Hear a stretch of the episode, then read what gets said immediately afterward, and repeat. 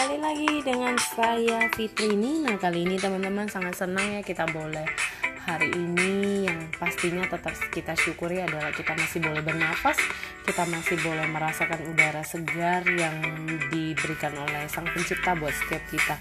Teman-teman, apa sih arti kesuksesan buat setiap kita?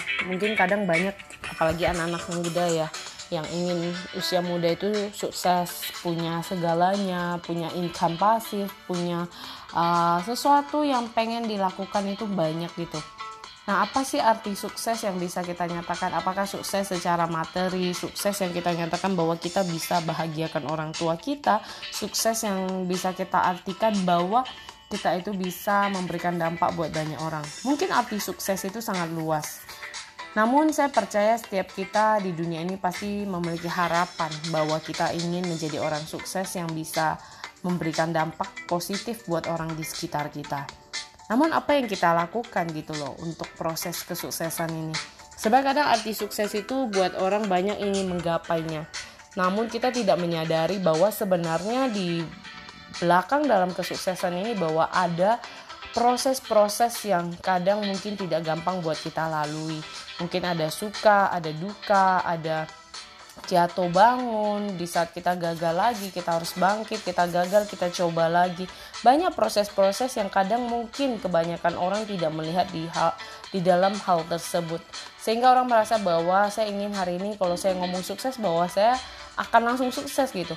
Namun di saat kita menikmati prosesnya mungkin membuat kita rasanya pahit, gak enak, gak nyaman.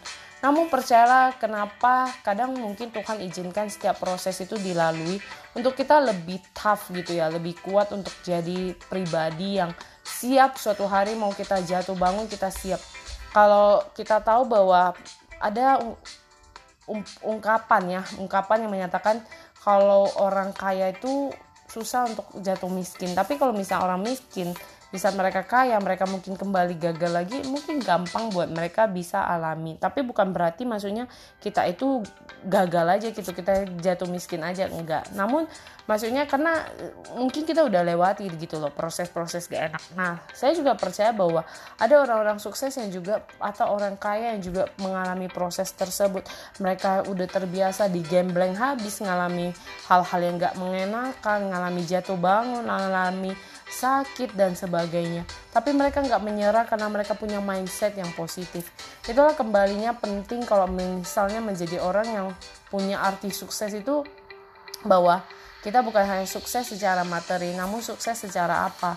Memiliki karakter yang baik, pribadi yang baik, Kemudian yang kedua juga mau menikmati proses demi proses yang kita lalui walaupun tidak instan, tidak gampang, tapi kita berani untuk melaluinya walau kadang sampai kita harus merangkak namun kita nggak berhenti begitu saja, tapi kita coba lagi, coba lagi dan kita mencapai garis finish.